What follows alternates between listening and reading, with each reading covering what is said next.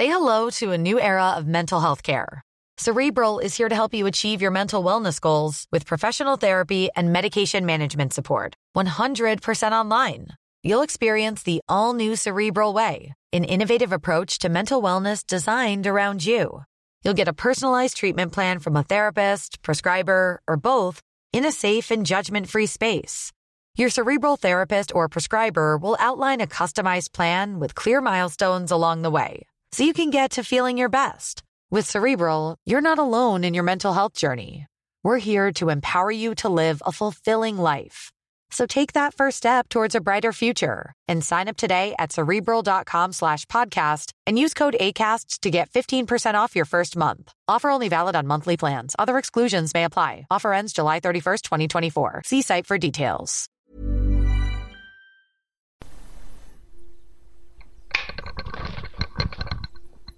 Och hjärtligt välkomna till ännu ett avsnitt av 24 frågor. En podcast från Ny till 24 i samarbete med Acast. Jag heter Karl-Anders Lindahl och med mig har jag Paula Bjäler.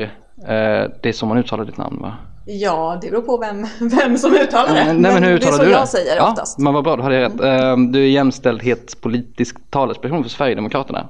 Bland annat. Bland annat, vad gör du mer? Eh, Jag är också migrationspolitisk talesperson för tillfället. Mm. Har varit integrationspolitisk talesperson sedan eh, jag blev riksdagsledamot. Och familjepolitisk talesperson. Och så sitter jag i partistyrelsen och även verkställande utskottet. Så Se där ja. Mm. ja. Är du beredd att få 24 frågor? Jag tror det. Det är 24 frågor, en podd om politik 24 frågor med intressant gäst 24 frågor, nu drar vi igång igen Det är 24 24 frågor Fråga ett. Eh, Känner du dig nervös? Nej. Nej. Ja, då tar vi tvåan då. Fråga nummer två. Hur ofta händer det att folk stavar fel till ditt namn? Oj, eh, stava fel är inte jätteofta. Men eh, däremot uttalar, eller framförallt frågar hur det uttalas väldigt, väldigt ofta. Som jag gjorde precis. Ja, det är standardfrågan efter varenda gång man har varit med i, i medier på något sätt och varenda gång man ska vara med i medier så är det alltid någon som ställer frågan och alltid folk som twittrar efteråt och säger att jag trodde det uttalades så, borde det inte uttalas så istället? Så Blir du irriterad av folk som säger åt dig hur ditt namn borde uttalas? Nej, det blir jag inte. Herregud, det är, det är ju tyskt ursprung, så att, eller Österrike, så att Mm. ska man se på det sättet så borde det väl uttalas biler antagligen. Däremot så blir jag irriterad de få gånger folk stavar fel och ofta så är det kanske med mening så skriver de Bieber istället. Och det stör jag mig på. Ja, det är så nära. Du är ingen belieber då? Nej. Nej. Fråga nummer tre. Eh, favoritfilm? Fråga Oj. Eh, döda poeters sällskap. Okej, varför det? Ja, men jag... Varför? Alltså jag har, den har alltid talat till mig. Den på, påminner om att man ska våga följa sin, sin egen väg. Eh, att lyssna på, på sin estetiska sida. eh, att eh, finnas där för, för dem omkring en. Eh, mycket lojalitet, starka vänskapsband. Och ja, men just att, att ge utrymme för, för att känna efter och följa sin väg. Är det, är det mm, någon speciell scen som du tänker på när du tänker på filmen? Alltså klassikerscenen är ju alltid Oh Captain My Captain när Mm. de reser ihop i, i slutet där. Mm. Ehm, men annars så brukar jag minnas, uh, alltså överhuvudtaget när han hoppar upp, en av hans första föreläsningar, han hoppar upp på, på sitt skrivbord och säger åt eleverna att ställa sig på sina stolar. eh, och egentligen kliva upp på borden också för att byta perspektiv. Mm. Ehm, det är dels något som, som eh, alltid talas för mig. Jag har ju velat bli lärare själv. Mm. Um, sen hade jag också förmånen att under gymnasiet ha en helt fantastisk eh, svensklärare som själv också brukade gå runt på våra bord någon gång ibland och liksom, eh, dikterade vad vi skulle skriva och tittade på oss uppifrån. Alltså helt, han, han var en, en, en Robin Williams i verkliga livet.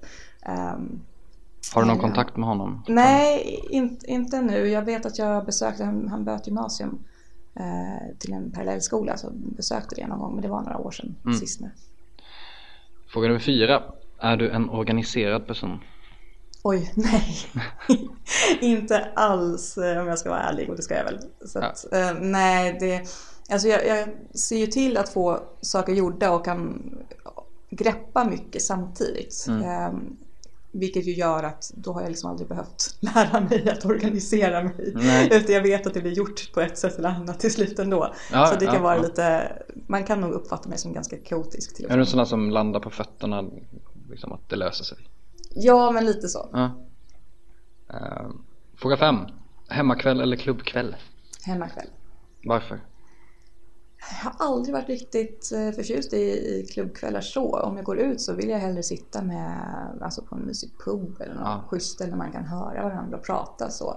Eh, Det är klart att det kan vara kul att gå ut och bara röja någon gång ibland. Mm. Men det har, jag, jag går igång på att prata med Mm. folk eller uppleva eh, filmer eller liksom bara ta del av någonting lite mer intellektuellt. Jag har heller aldrig riktigt förstått mig på den där, den här gapiga stämningen och höga musiken. Jag vet inte, jag har aldrig... Nej, det är liksom korta stunder men, men i så fall ska det vara en klubb som har en schysst och lugn hörna dit man kan gå efteråt och dricka en, en bra cocktail och prata med personer efteråt. Fråga nummer sex. När insåg du att du var Sverigedemokrat? 2009. Ehm, Kommer du ihåg dagen till och med? ja, eh, eller ja, datumet minns jag väl inte men det var ju i samband med att SVT Debatt eh, körde ett eh, program där de diskuterade att Aftonbladet vägrade ta in annonser från Sverigedemokraterna. Mm. Ehm, och eh, då gav jag mig in i den debatten för att jag tyckte att okej, ett privat företag får ju göra sina egna val. Eh, men jag blev liksom skrämd av att det fanns vuxna människor som på allvar trodde att det bästa sättet att, att bemöta eller att tysta eller få bort någon som man inte håller med är att helt enkelt ignorera dem eller stänga dem ute istället för att överbevisa. För att jag har alltid trott på att med rationella argument och med saklighet så, så slåss man för sin sak på det sättet istället. Eh, och har man rätt så vinner man i slutändan. Så då gav jag mig in i själva den diskussionen och den debatten, ja, som du vet, som är själv aktiv i media, som troligtvis alla som lyssnar på det här vet, är det någonting som på något sätt kan kopplas till Sverigedemokraterna så glider det över till att handla om Sverigedemokraterna. Eh, och då bestämde jag mig för att en gång för alla faktiskt läsa deras partiprogram ordentligt och gjorde det och kände att jaha, här var de, det parti som jag har letat efter. Men så det var lite av en ehm, till en början av kanske lite av sympati som du lockades in i. Inte som jag lockades in i partiet så, eh, men att, jag, att det var just då som jag fick upp ögonen för Sverigedemokraterna och liksom gav mig in i, i det politiska samtalet. Det var av... Sympati är väl egentligen fel ord egentligen, för det var mer frustration över rationalitetsföraktet hos andra. Ehm, snarare än, än just sympati för Sverigedemokraterna. Och sen så blev det ju som sagt, det gled över till att faktiskt hålla med dem när jag, ju mer jag läste kring vad man tyckte och vilka ställningstaganden man hade gjort. Mm. Tror du annars att det är vanligt att många eh, röstar på Sverigedemokraterna för att kanske just de känner det du känner fast de kanske inte kan partiprogrammet utan innan. Att man känner att det finns en slags för och emot.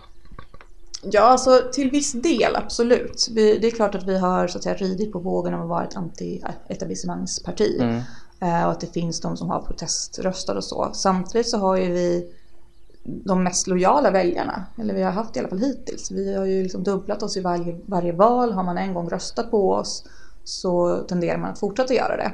Alltså jag tror att det är en lite förenkling, men jag tror att det är ganska vanligt att de, de första blickarna mot oss eh, grundar sig i just det. Och jag tror också att men ju större vi är och ju mer vi når även de flyktiga väljarna så kanske en, en större del även blir eh, lite mer just mot de andra än, än för oss. Men hittills så tror jag att det har varit ganska mycket både och. Vi har, alltså vårt negativa rykte, det, det man kallar oss för, hur man behandlar oss.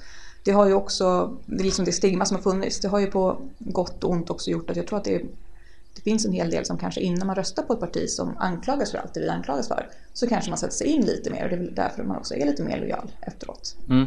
Ehm, Så att jag tror att många har, har förvillat sig när de har trott att det bara varit liksom proteströster.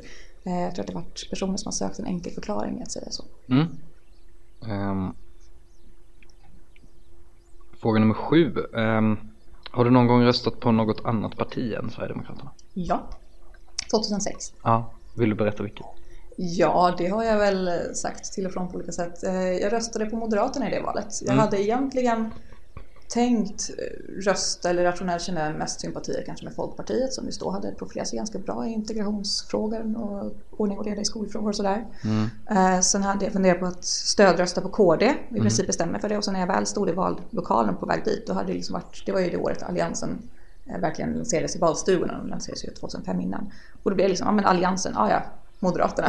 Ja. så det var egentligen en, en, eh, lite av, in, inte helt jätteövertänkt att det var just dem utan det var mer att jag ville ha regeringsbyte eh, och en alliansröst. Liksom. Ja. Ehm, fråga nummer åtta. Vilken politisk motståndare har du störst respekt för? Oh, det var en svår fråga. Ehm, alltså jag har väl respekt för... eh, Du får inte säga alla. nej, precis. Får jag, får jag ge ett enskilt tillfälle? Det är i och för sig en person som jag kanske inte har mycket respekt för överlag. Men vid just det tillfället så tyckte jag att hon fick oförtjänat mycket hån och där jag faktiskt fick lite respekt istället. Du får svara på Ja. frågan precis hur du För vill. i så fall så vill jag faktiskt, eh, och det kommer säkert förvåna vissa, säga Åsa Romson. Mhm, Och nämna presskonferensen när hon grät. Just det. Eh, November 2015 va? Ja, och där blev det liksom för att hon har ju fått väldigt, väldigt mycket hån för det. Eh, och jag kan ju tycka att det är skrämmande att man kanske sitter, att man först när man är vice statsminister börjar växa upp. Men för mig så var det ändå på något sätt liksom, jag fick mer respekt för henne där då än vad jag haft någonsin tidigare och efter också. För att det visade på något sätt att hon ändå hade trott på allt det hon sa som jag tyckte var alldeles eh, ja, helt uppåt väggarna och inte riktigt kunde förstå hur man kunde, kunde vara i den positionen och tro var hållbart ändå. Um, och för mig, det är ju sådana saker som, som talar till mig, att man verkligen är ärlig eller har ett ärligt uppsåt. Och det var ett sånt tydligt tillfälle när man förstod att hon åtminstone hade haft det. Och på något sätt fortsatte att försöka ha det men var tvungen att liksom omvärdera allting hon hade trott på och räknat med dittills. Ungefär ett halvår senare så lämnade hon ju posten som eh, språkrör, Mm. inte helt frivilligt. Eh, hur kände du då?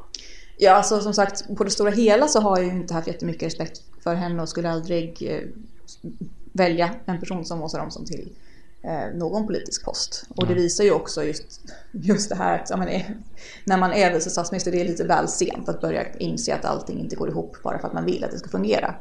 Ehm, så att det var nog någonting som var bra. Ehm, det borde väl egentligen ha varit även Prolin som bröt ut. Eh, och helst av allt så bör ju, åtminstone så länge Socialdemokraterna sitter vid makten, vilket jag i och för sig hoppas inte blir allt för länge, så bör de ju sikta efter att göra sig av med Miljöpartiet. Ehm, för att det är ett parti som, som drivs alldeles för mycket av hopp eh, och önskedrömmar om guld och gröna skogar, framförallt de gröna skogarna. Eh, och inte så mycket förankring i ja, men vad, vad blir de negativa konsekvenserna av varje val? För inget val är konsekvensfritt. Har du sagt det här, inte just det här med, med det sistnämnda, men just det här med presskonferensen. Har du sagt det till Åsa Romson någon gång? Jag tror aldrig jag hann, eh, hann träffa henne, så jag har nog aldrig sagt det till henne. Åsa, om du lyssnar så eh, får du ringa upp Paula så får ni, får ni prata. Eller så får du helt enkelt lyssna på det här och ta det som det är. Fråga nummer nio. Vem i Sverigedemokraterna är roligast? Oj, förutom jag själv. Ja, förutom du själv. Ehm, ja, nej men det beror väl på. Gillar man uh, billig Göteborgs humor och personer som tror att de själva är fantastiskt roliga och som ofta är det så är ju eh, Linus som jag också poddar med. Han är ju Linus Bylund. Linus Bylund.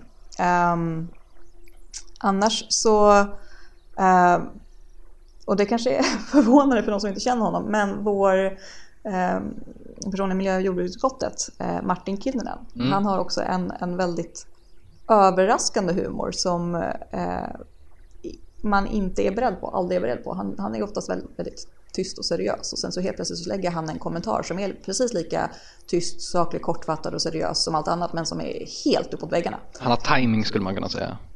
Ja, Eller- eller, snarare helt tvärtom. Eller? det, det, men det är bara så här absurt fast fantastiskt roligt. Alltså lite småsjukt sådär. Ja, men satiriskt och bara så här. Just sättet han levererar sina eh, konstiga one-liners på är helt underbart. Okej. Ehm, fråga nummer tio. Mm. Hur bra kompis är du med Jimmy Åkesson? Ja, jo, men det är väl klart att man umgås även privat så. Mm. Eh, jag har ju varit på hans fester och sådär. Man hänger väl en del. Alltså jag menar nu, framförallt när vi sitter i verkställande utskottet tillsammans så blir det ju väldigt mycket tid man spenderar eh, med varandra. Och då blir det ju även en del att man kanske eh, försöker umgås även socialt för att inte bara ha Mm. jobb hela tiden. Men, eh, men jag menar det är ju fortfarande det är väl inte så att partikollegorna blir liksom ens bästa vänner eller kompisar på det sättet. Varför det- inte? Nej men jag, alltså jag tror att det är svårt.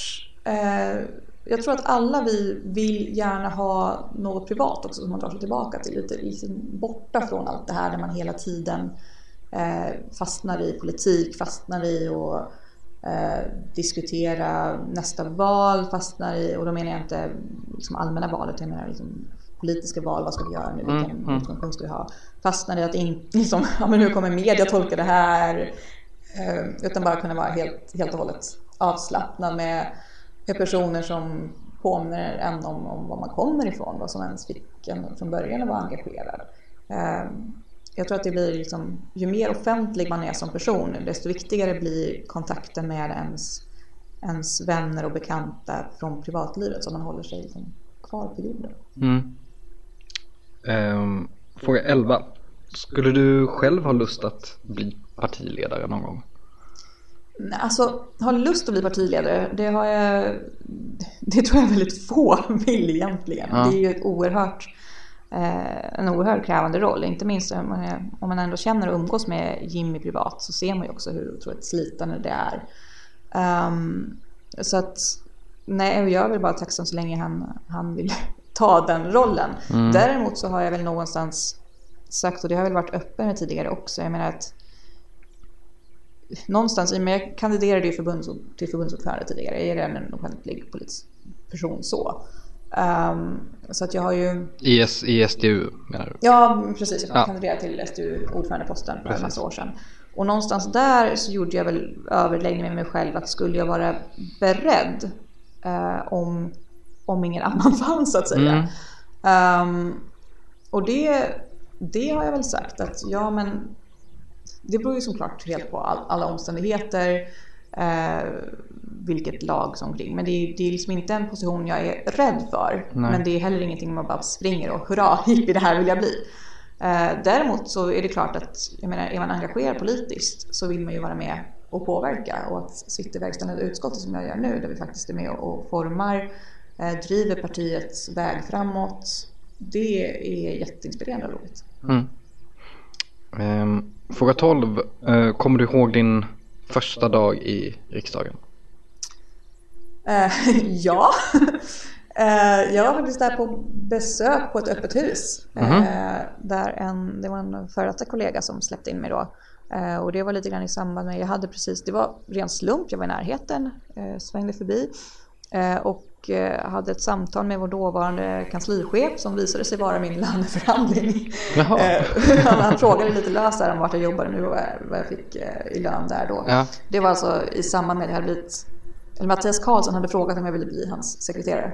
N- när är detta så det är, det måste varit helgen där runt i början på april 2011. Mm, mm. Ehm, så då var jag där på öppet hus och ja, gick runt, pratade med lite partikollegor och sen så började jag jobba i riksdagen bara några dagar senare. Ja, du, du gick ju från Som jag minns det i alla fall så var det väl så att du gick ju från att vara relativt okänd till Mm. eh, Ekot intervjuer och, och liksom eh, reportage i tidningar och sånt där. Hur, hur, kändes, hur kändes det? Ja, alltså det, eh, det började väl egentligen just när, när det blev officiellt att jag utmanade Gustav till, till ordförandeposten. Mm. Som Kasselstrand, Ja. som tyvärr var ordförande på den tiden. Mm. Eh, och ja, jag tror faktiskt att min första intervju kan ha varit med er. Om det heter 24 då. Det är ju inte omöjligt alls. Eh, som hade läst mitt blogginlägg. Och det var ju, jag tror inte riktigt att man hann känna efter. Nej. Och det är ju också någonting som egentligen har, jag sjukskrev mig förra hösten. Mm. Ehm, och det var väl också ett startskott på lite grann det som ledde fram till det. Um, för att det blev... Om man, om man går tillbaka till första frågan om jag är organiserad eller inte så har jag ju, sa ju det att jag har liksom aldrig varit. Jag har varit ganska kaotisk och jag har ju Mm. också varit en person som prokrastinerar för att jag vet att jag klarar av det. Det blir liksom sista minuten och då presterar jag som bäst. Mm. Och nackdelen med det är att när man hamnar i en sån situation som att men, media ringer hela tiden, eh, förbundskamrater ringer hela tiden, eh, man har god kontakt med partikollegor uppåt, man eh, läser allt som skrivs om man själv på Flashback för man är lite knäpp. Ja, jag tror inte du är ensam om det i och för sig. Nej, Nej. men då blir det ju en väldig, liksom, den här adrenalinruschen som gör att man presterar bra i vanliga fall. Det blir ett normaltillstånd. Eh, Och det är väl på många sätt fortfarande mycket av ett normaltillstånd för mig. Att antingen så är jag i någon slags adrenalinrush, tar en intervju nu, okej okay, då kör jag det. Uh, har jag debatter i riksdagen så skriver jag aldrig mitt anförande utan jag läser på frågan istället och sen så står jag där och, och kör det hyfsat on the fly. På till höjd så har jag lite stödord. Mm. Um, och jag vet att jag klarar av det uh, och jag mår väldigt bra där men det gör ju också att man kanske blir väldigt sliten mm. i andra änden vid sidan av. Uh, jättelänge sedan man kunde vara helt avslappnad. Bara, bara sitta och liksom göra något för eget nöjes skull. Det började jag ta tag i nu under hösten. Började läsa, läsa en skönlitterär bok för första gången på jag vet inte hur många år. Mm. Um, ta tag i träning och mat och sånt där ordentligt. De har ju försökt upp och ner men det, det går ju alltid i vågor. Helt plötsligt så händer det någonting och så då slarvar man. Och så har man slarvat en dag så slarvar man två, tre dagar och sen så blir det helt plötsligt några veckor. Så det är väl framförallt det, men annars så är en väldigt adrenalindriven tjej tydligen. Men eh, just det här med Flashback och sånt mm. där. Um, finns det någon speciell typ av kritik, osaklig eller saklig som du tycker är lite jobbig att få? Eller Nej, jobbig? alltså inte jobbig att få så, utan det har väl snarare varit att jag har fått det som drivkraft när, mm. när personer har skrivit saker. Eh, att man vill liksom motbevisa eller överbevisa. Um, sen är det klart att det blir, jag menar, det är ju sånt som jag tycker är liksom skrämmande att läsa om. Det har ju varit Eh, just när jag, när jag utmanade Gustav och började skriva som mig var första gången som jag började läsa liksom, Flashbacks annars man kanske hamnat där för någon typ mattefråga eller teknisk fråga. Ja. Eh, men just de lite mer mörka delarna av mm. Flashback, mm. säga. Eh, och helt plötsligt upptäcka hur, hur pass Eh, stor och aktiv eh, antisemitism som fortfarande finns i vårt land som man liksom trodde Tired of ads barging into your favorite news podcasts? Good news. Ad-free listening is available on Amazon Music for all the music plus top podcasts included with your Prime membership.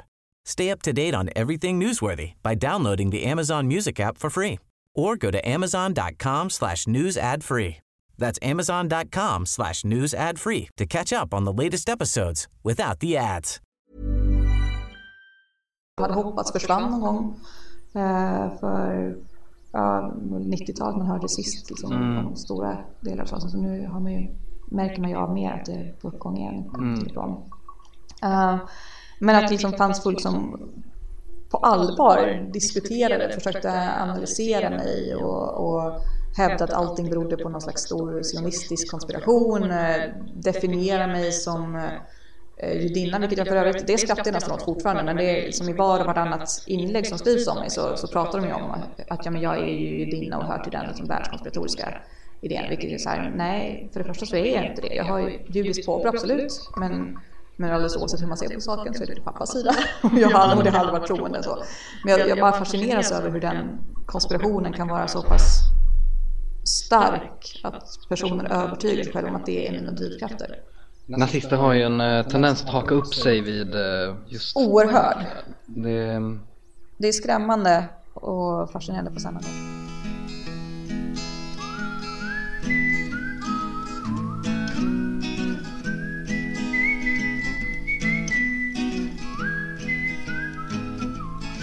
Då är vi framme på fråga nummer 13. Fråga nummer 13.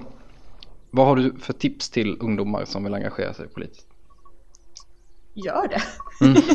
Nej men alltså det finns ju alltid någonting att engagera sig i. Kontakta ett ungdomsförbund, ordna någon eller sök efter om det finns någon intresseförening om ni inte tycker att eh, eh, något polisparti är tillräckligt nära er. Så kolla upp liksom enskilda sakfrågor.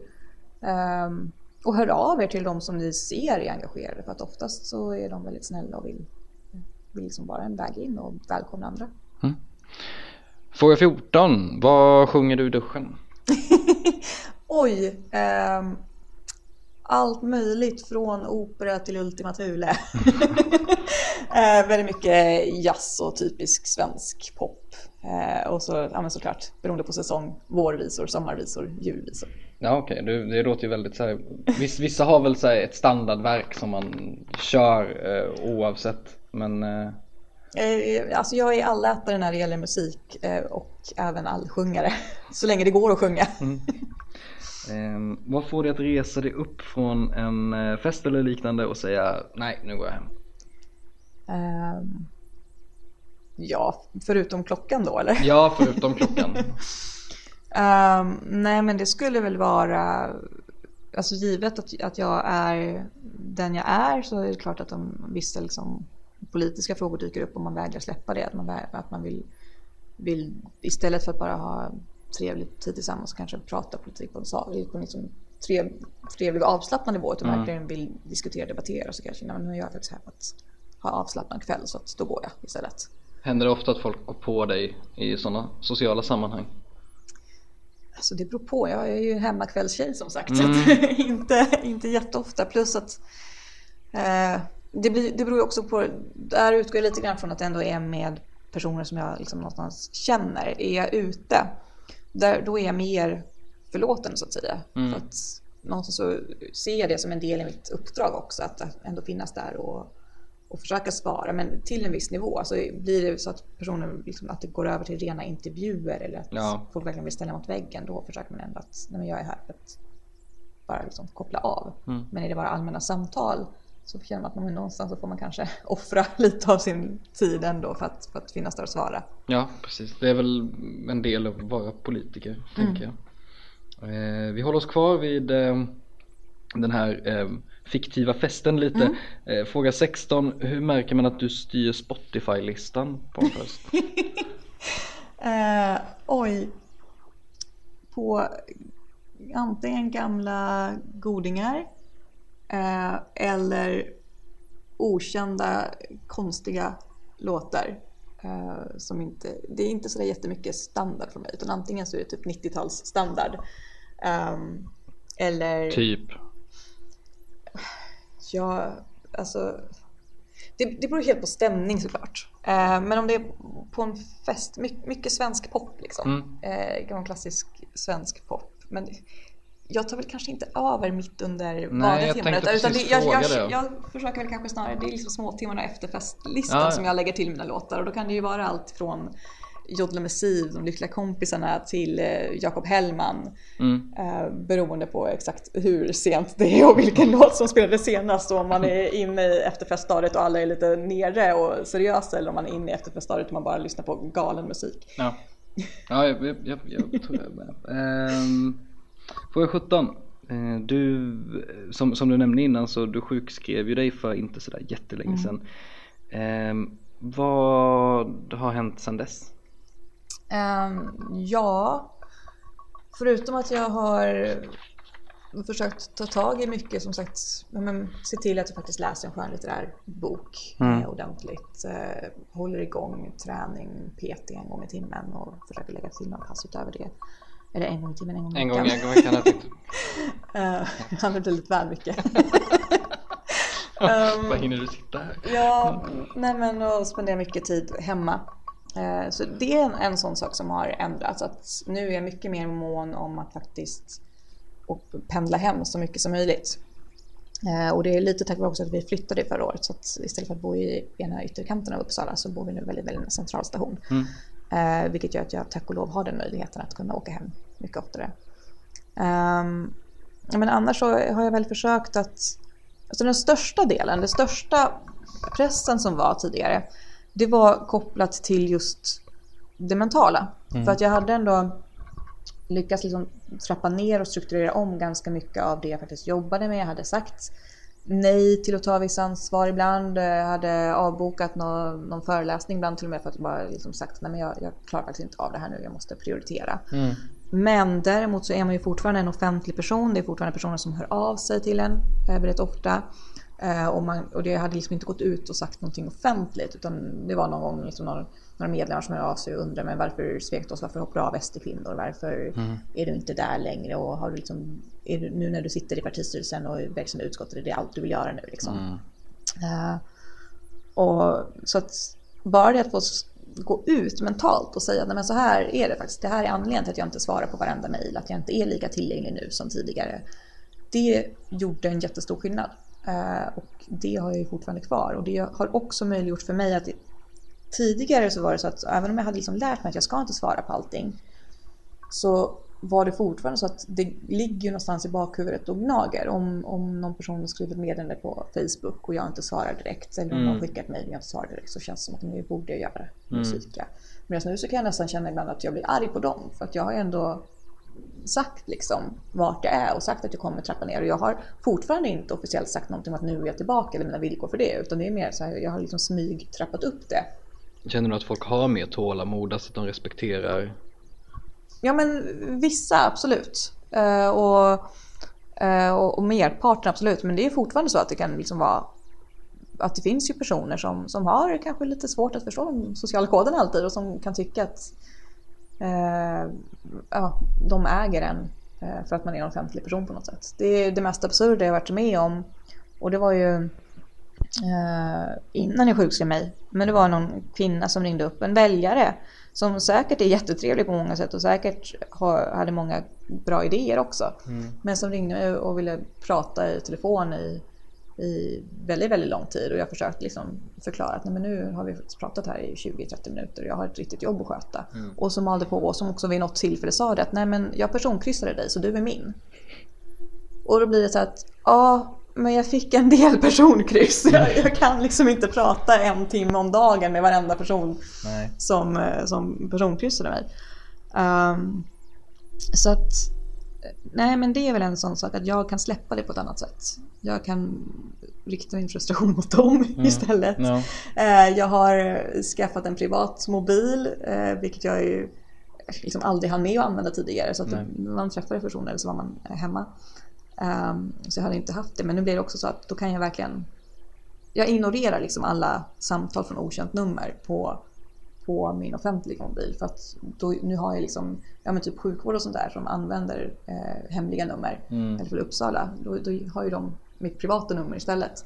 Och då vet jag att men på den telefonen kan jag svara på okänt nummer men, men jag struntar i det på den andra. Det är inte listat någonstans, det är ingen som kan nå mig där. Och är, blir det för mycket då har jag bara den på. Men händer det att folk ringer på skyddat nummer? Till... Oh ja, Mm. jätteofta. Mm. Att folk eh, ringer, alltså dels ni journalister Mm. eh, ringer ju ofta okänt Ehm, och då, ja, då når man inte mig, då får man gå via presstjänsten. Mm. Eh, dit försöker jag även styra så många som möjligt efterhand. Liksom. Mm. Eh, antingen presstjänsten eller via skriftligt. För att liksom, telefon då svarar jag inte om jag inte vet vad det är. Ehm, men också liksom, vanliga väljare och medborgare som ringer till riksdagen via, via hemligt nummer. Liksom. Mm. Och liksom, ja, förväntar sig att kunna prata under lång tid. Vilket jag till viss del kan förstå. Men, men jag önskar att allt fler till slut ändå förstår att telefon i, i dagens jetset liksom, liv, även för politiker, så är inte det det smidigaste sättet att få vare sig respons eller, eller bra kontakt med Nej, folkvalda. verkligen inte. det, vet jag, det vet jag också. Ehm, fråga nummer 18. Sverigedemokraterna är ju ett eh, ganska mansdominerat parti. Mm. Ehm, hur är det att vara kvinna i en sån rörelse? Ja, jag fick den frågan av eh, SVT tror jag någon gång, eh, landsdagen 2013 närmare bestämt tror jag. Och då svarade jag, det är väl som att vara kvinna överallt annars. jag har liksom Mm. Det är mycket män. min, min kropp, mitt, mitt hår, mitt smink, mina naglar alldeles oavsett vart jag är.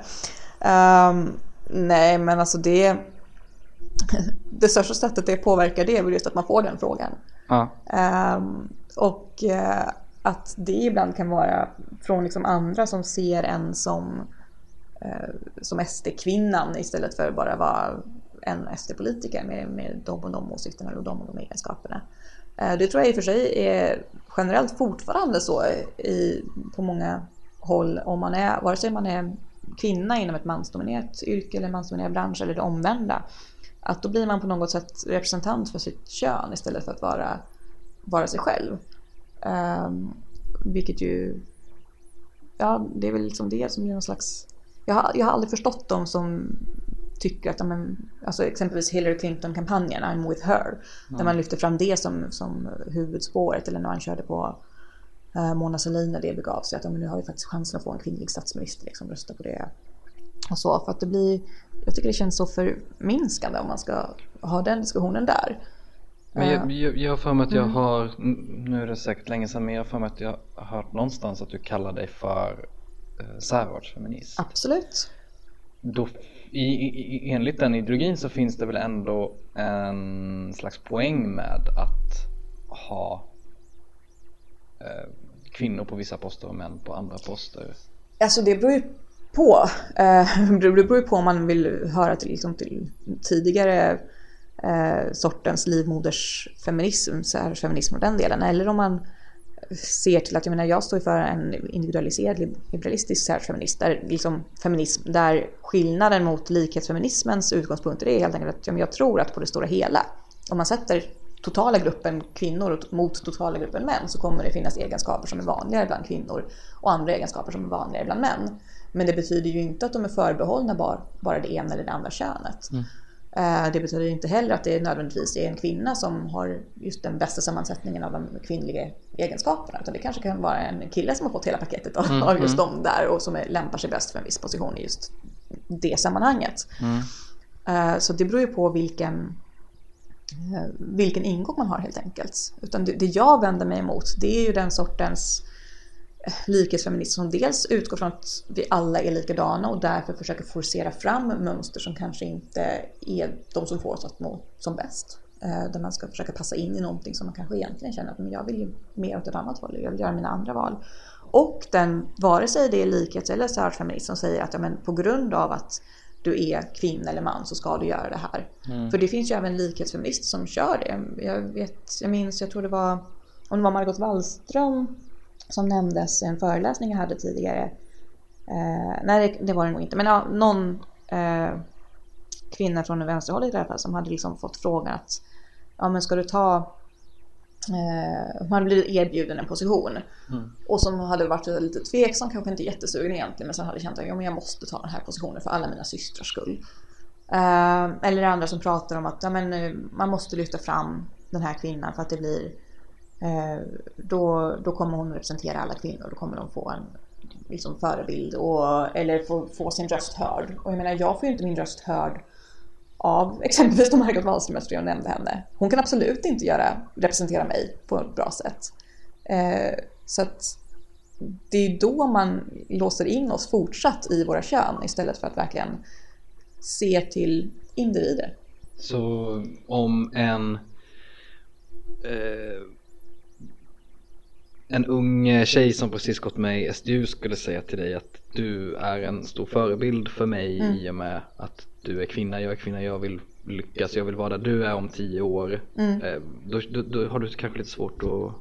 Men alltså det är klart att det, det är ju roligt att personer får höra eller liksom säger att ja, men man är förebild och, det, och märker av att det går att ta sig fram även som kvinna det är klart att pionjärer och så behövs. Men mm. det jag mm. vänder mig emot det, det är väl just när man försöker så att säga förminska pionjärer till att bara vara sitt kön och att genom att vara antingen kvinnor eller män på något sätt representera alla andra kvinnor och män i den rollen. Det är en sak att man kan bryta mot normer och visa att allting är möjligt och du är liksom inte dömd till det ena eller det andra beroende på vad du har mellan benen. Mm. Men det det, från det och gå till kvotering eller gå till just att ja, men, vi, vi måste verkligen ha en kvinna nu för att ja, det är enda sättet för kvinnor att få upp intresse för det här. Då är man inne på helt fel, helt fel eh, bana. Fråga 19. Om du inte hade varit politiker, vilket jobb hade du haft då? Lärare. Ja, du var inne på det innan. tror jag. Ja, jag har ju hoppat runt lite grann ja. Eh, med mina studier. Men jag har både jobbat en del som vikarie eh, och precis innan jag blev anställd eh, av partiet så, så hade jag påbörjat lärarutbildningen också. Det är ditåt det lutar. Fråga 20, då har jag skrivit bunken här. Mm -hmm. Då har jag en fin rosa popcornskål här med några lappar i. Yeah. Just nu så är det här eh, lappar som eh, mestadels är det redaktionen på Ny 24 som har skrivit dem. Tanken är att våra kära lyssnare ska eh, skriva frågor till dem, ah. eller till bunken. Jag vill att du tar en lapp yeah. och så läser du frågan högt och yeah. så svarar du på den så gott du kan. Ska vi se. Okej, då har jag fått frågan. Finns det något hos dina politiska motståndare du kan känna dig lite avundsjuk på? Mm. uh, ja. det är klart att man kan vara avundsjuk på att de kommer undan med att uh, föreslå saker utan följdfrågor. Särskilt när de sakerna de föreslår är sådant som vi har sagt i många år och fått försvara och förklara in i liksom mikronivå. Mm. Medan eh, de kan komma undan med att bara, äh, men vi kör den riktningen. Ett typexempel som jag har lyft upp ganska många gånger på det, det är när Moderaterna ändrar sig och och första gången de började prata om att de ja, kräver ett tillfälligt flyktingstopp, vilket mm. de fortfarande pratar om. Um, och så fick, um, fick de då frågan att ja, men bryter inte det mot olika internationella avtal och konventioner? Uh, och kunde komma undan med att svara jo, men vi behöver det här. Mm. Och jag kände bara, oj, hur många år har inte ni krävt att vi ska liksom detaljsvara på varför och hur? Och där vi dessutom har tagit fram exakt vilka avtal vi vill hänvisa till för att möjliggöra tillfälliga gränskontroller och med ordentlig stopp och nu kan vi inte ta emot några fler. Så att det är klart det finns mycket jag är avundsjuk på. eh, fråga 21. Mm. Har du någon ovana som du skäms lite över? Ja, det har man väl. Uh, ska man bara komma, komma på. Man skäms så mycket över någon som man har trängt undan dem från sig själv och inte försöka tänka på. Um, ja, nej men det kan väl vara, alltså. Det blir svårt. Ja, ja. Det, det enda jag tänker på liksom konkret så direkt och det är väl kanske för att det är något sånt som jag har slarvat med på sistone. Det är typ att man kanske tar lite extra snacks lite väl ofta ibland men det känns inte så här jättetypisk ovana. Det gör ju alla och det ska man kunna unna sig också. Det tycker jag också. Men, ja, men alltså, som sagt, jag är dålig på att organisera mig så att jag är dålig på att städa och diska och det låter kanske oftast min fastman ta hand om. Ja, men eh, då besvarade du nästan fråga 23 faktiskt också. Ja. 23, eh, civilstatus? Frågetecken. Ja, förlovad. Har, eh, har du varit det länge? Eh, ett drygt år ungefär friade just i samband med att vi flyttade mm. förra året eh, på skottdagen av alla dagar. Mm. var det han trots allt. så ja, ett drygt år. Då är det, börjar bröllopsklockorna ringa snart då kanske? Ja, vi får se. Jag har ju alltid varit så här... Nu har, nu har du chans att sätta press på honom. Ja, men jag har alltid varit traditionell egentligen och tyckte att det skulle ta max ett år. Ja. Men sen så var han ju sådär sneaky så att han valde skottdagen och då har vi ju faktiskt fyra år på oss. så att vi får se. det var ju väldigt väl planerat. Ja. Fråga 24. Mm. Hur känns det nu? det känns som att jag kommer få många frågor kring Åsa Romson. Men... Jag hoppas det i alla fall. I alla fall så, att, så att fler får upp ögonen. Nej men eh, det känns väl ganska bra. Ja. Ja. Um, tack så jättemycket för att du ville komma hit. Nu tack kommer det in en massa flyttgubbar hit och ska montera ner hela studion eller vad det är vi sitter i. Um, Maila på uh, 24 frågor 24se uh, Skriv till oss på Instagram och Twitter och ja, ha det helt fantastiskt så ses vi nästa vecka igen. Hej då! Det blir rätt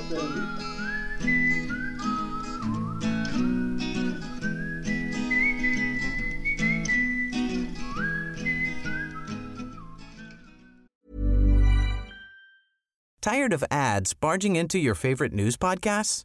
Good news. Ad-free listening is available on Amazon Music for all the music plus top podcasts included with your Prime membership. Stay up to date on everything newsworthy by downloading the Amazon Music app for free or go to amazon.com slash news ad free. That's amazon.com slash news ad free to catch up on the latest episodes without the ads.